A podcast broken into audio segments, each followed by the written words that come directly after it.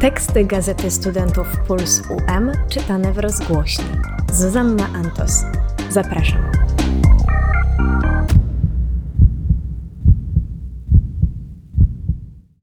Dziś tekst autorstwa Emilii Dańczak ze styczniowego wydania Pulsu Czerwone kwiaty i niebieska farba, czyli dlaczego w XXI wieku wciąż boimy się rozmawiać o okresie. Wydawać by się mogło, że w XXI wieku jest mało tematów tabu.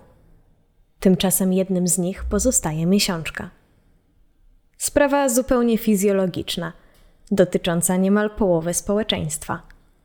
Wata, stare ubrania czy zwinięte gazety używane zamiast podpasek, zdające się należeć do krajobrazu dalekich, biednych państw trzeciego świata, są również codziennością tysięcy Polek. Wspólnym mianownikiem tych problemów jest ubóstwo menstruacyjne.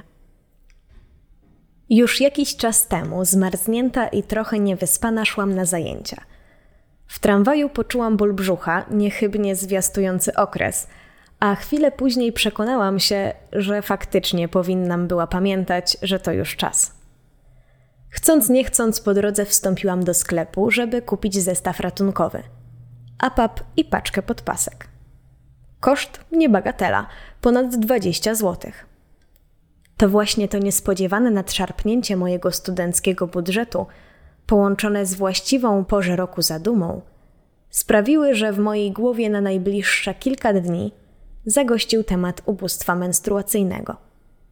Ubóstwo menstruacyjne jest problemem bardzo złożonym i trudno znaleźć wspólną definicję, ale można uznać, że opiera się na trzech filarach z jednej strony na braku edukacji seksualnej, z drugiej na dominującym ciągle w społeczeństwie tabu, z trzeciej natomiast na ubóstwie sensu stricte.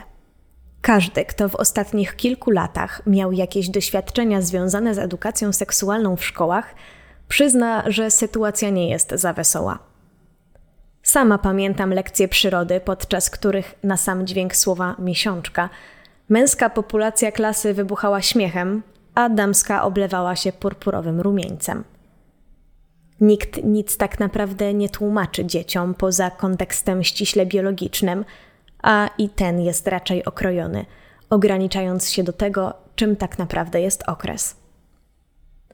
Na zajęciach WDŻ lekcje o miesiączce są prowadzone tylko dla dziewczynek, bo przecież chłopców ta kwestia wcale nie dotyczy. Te, które się odbywają, przeważnie są źle prowadzone.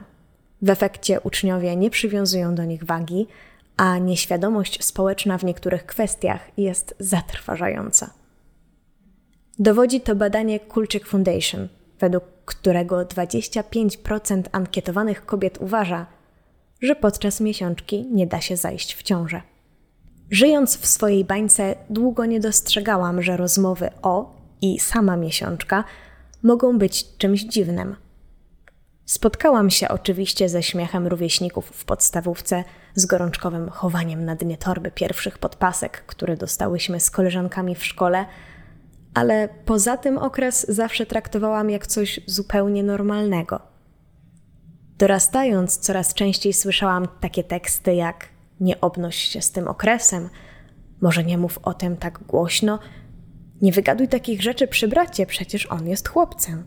Wreszcie zobaczyłam wielki wstyd w oczach koleżanki, proszącej mnie o tabletki przeciwpulowe i szepczącej, że to na okres.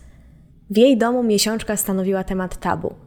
Zresztą, jak się okazuje, brak dialogu jest tu sprawą bardzo powszechną.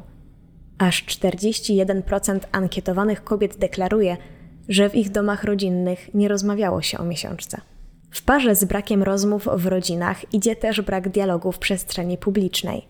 Nawet reklamy środków higienicznych, takich jak choćby podpaski, bardzo rzadko używają bezpośredniego języka i często uciekają się do powszechnie rozumianych zamienników te dni czy symboli czerwone kwiaty. Trudno uwierzyć w to, że pierwsza reklama podpasek w Polsce, która do emitacji krwi menstruacyjnej użyła czerwonego płynu, powstała w 2018 roku, a do tego czasu wszystkie używały z jakiegoś powodu niebieskiego. Nawet rzeczywiste zobrazowanie barwy krwi okazało się wyzwaniem. Jedną z najbardziej zaskakujących rzeczy, o której dowiedziałam się w kontekście miesiączki, był fakt, że problem braku środków na zakup podpasek czy tamponów nie dotyczy tylko kobiet z państw rozwijających się, ale też tysięcy Polek. Również w naszym kraju kobiety używają pociętych, starych ubrań czy waty jako zamienników środków higienicznych. W Polsce mamy około 6 tysięcy bezdomnych kobiet. 1,65 miliona osób żyje w skrajnej biedzie, z czego około połowa to kobiety. Do tego dochodzą jeszcze te, których pomimo niewpisywania się w granice skrajnego ubóstwa, też zwyczajnie nie stać na zakup środków higienicznych. Każda z nich co miesiąc musi zrezygnować z wyjścia z domu lub co gorsza stanąć przed wyborem kupna podpasek zamiast jedzenia. Według raportu Krwawy Problem 10% ankietowanych musiało się zwolnić ze szkoły czy pracy z powodu braku środków higienicznych, a 8% nastolatek nie miało pieniędzy na ich zakup. Na szczęście pojawia się coraz więcej inicjatyw, takich jak punkty pomocy okresowej prowadzone przez Fundację Akcja Menstruacja czy Różowe Skrzynki, w których w razie potrzeby można znaleźć różne środki higieniczne. Barierą pozostaje jednak w dużej mierze nasza świadomość, więc nie bójmy się podejmować rozmów na takie tematy i bądźmy ze sobą szczerzy, bo o ile oddolnie trudno dużo zdziałać w kwestii edukacji seksualnej, o tyle tabuizacja menstruacji zależy głównie od nas. Zapraszamy do przesłuchania naszych rozmów, a także cyklu Poza żargonem, którym Filip Łojek przybliży Wam tajniki fizjologii. Mamy też dla Was cykl Rozgłos Pulsu, w którym usłyszycie teksty gazety Studentów Puls w formie audio. Koniecznie sprawdźcie nasz Instagram. Do usłyszenia.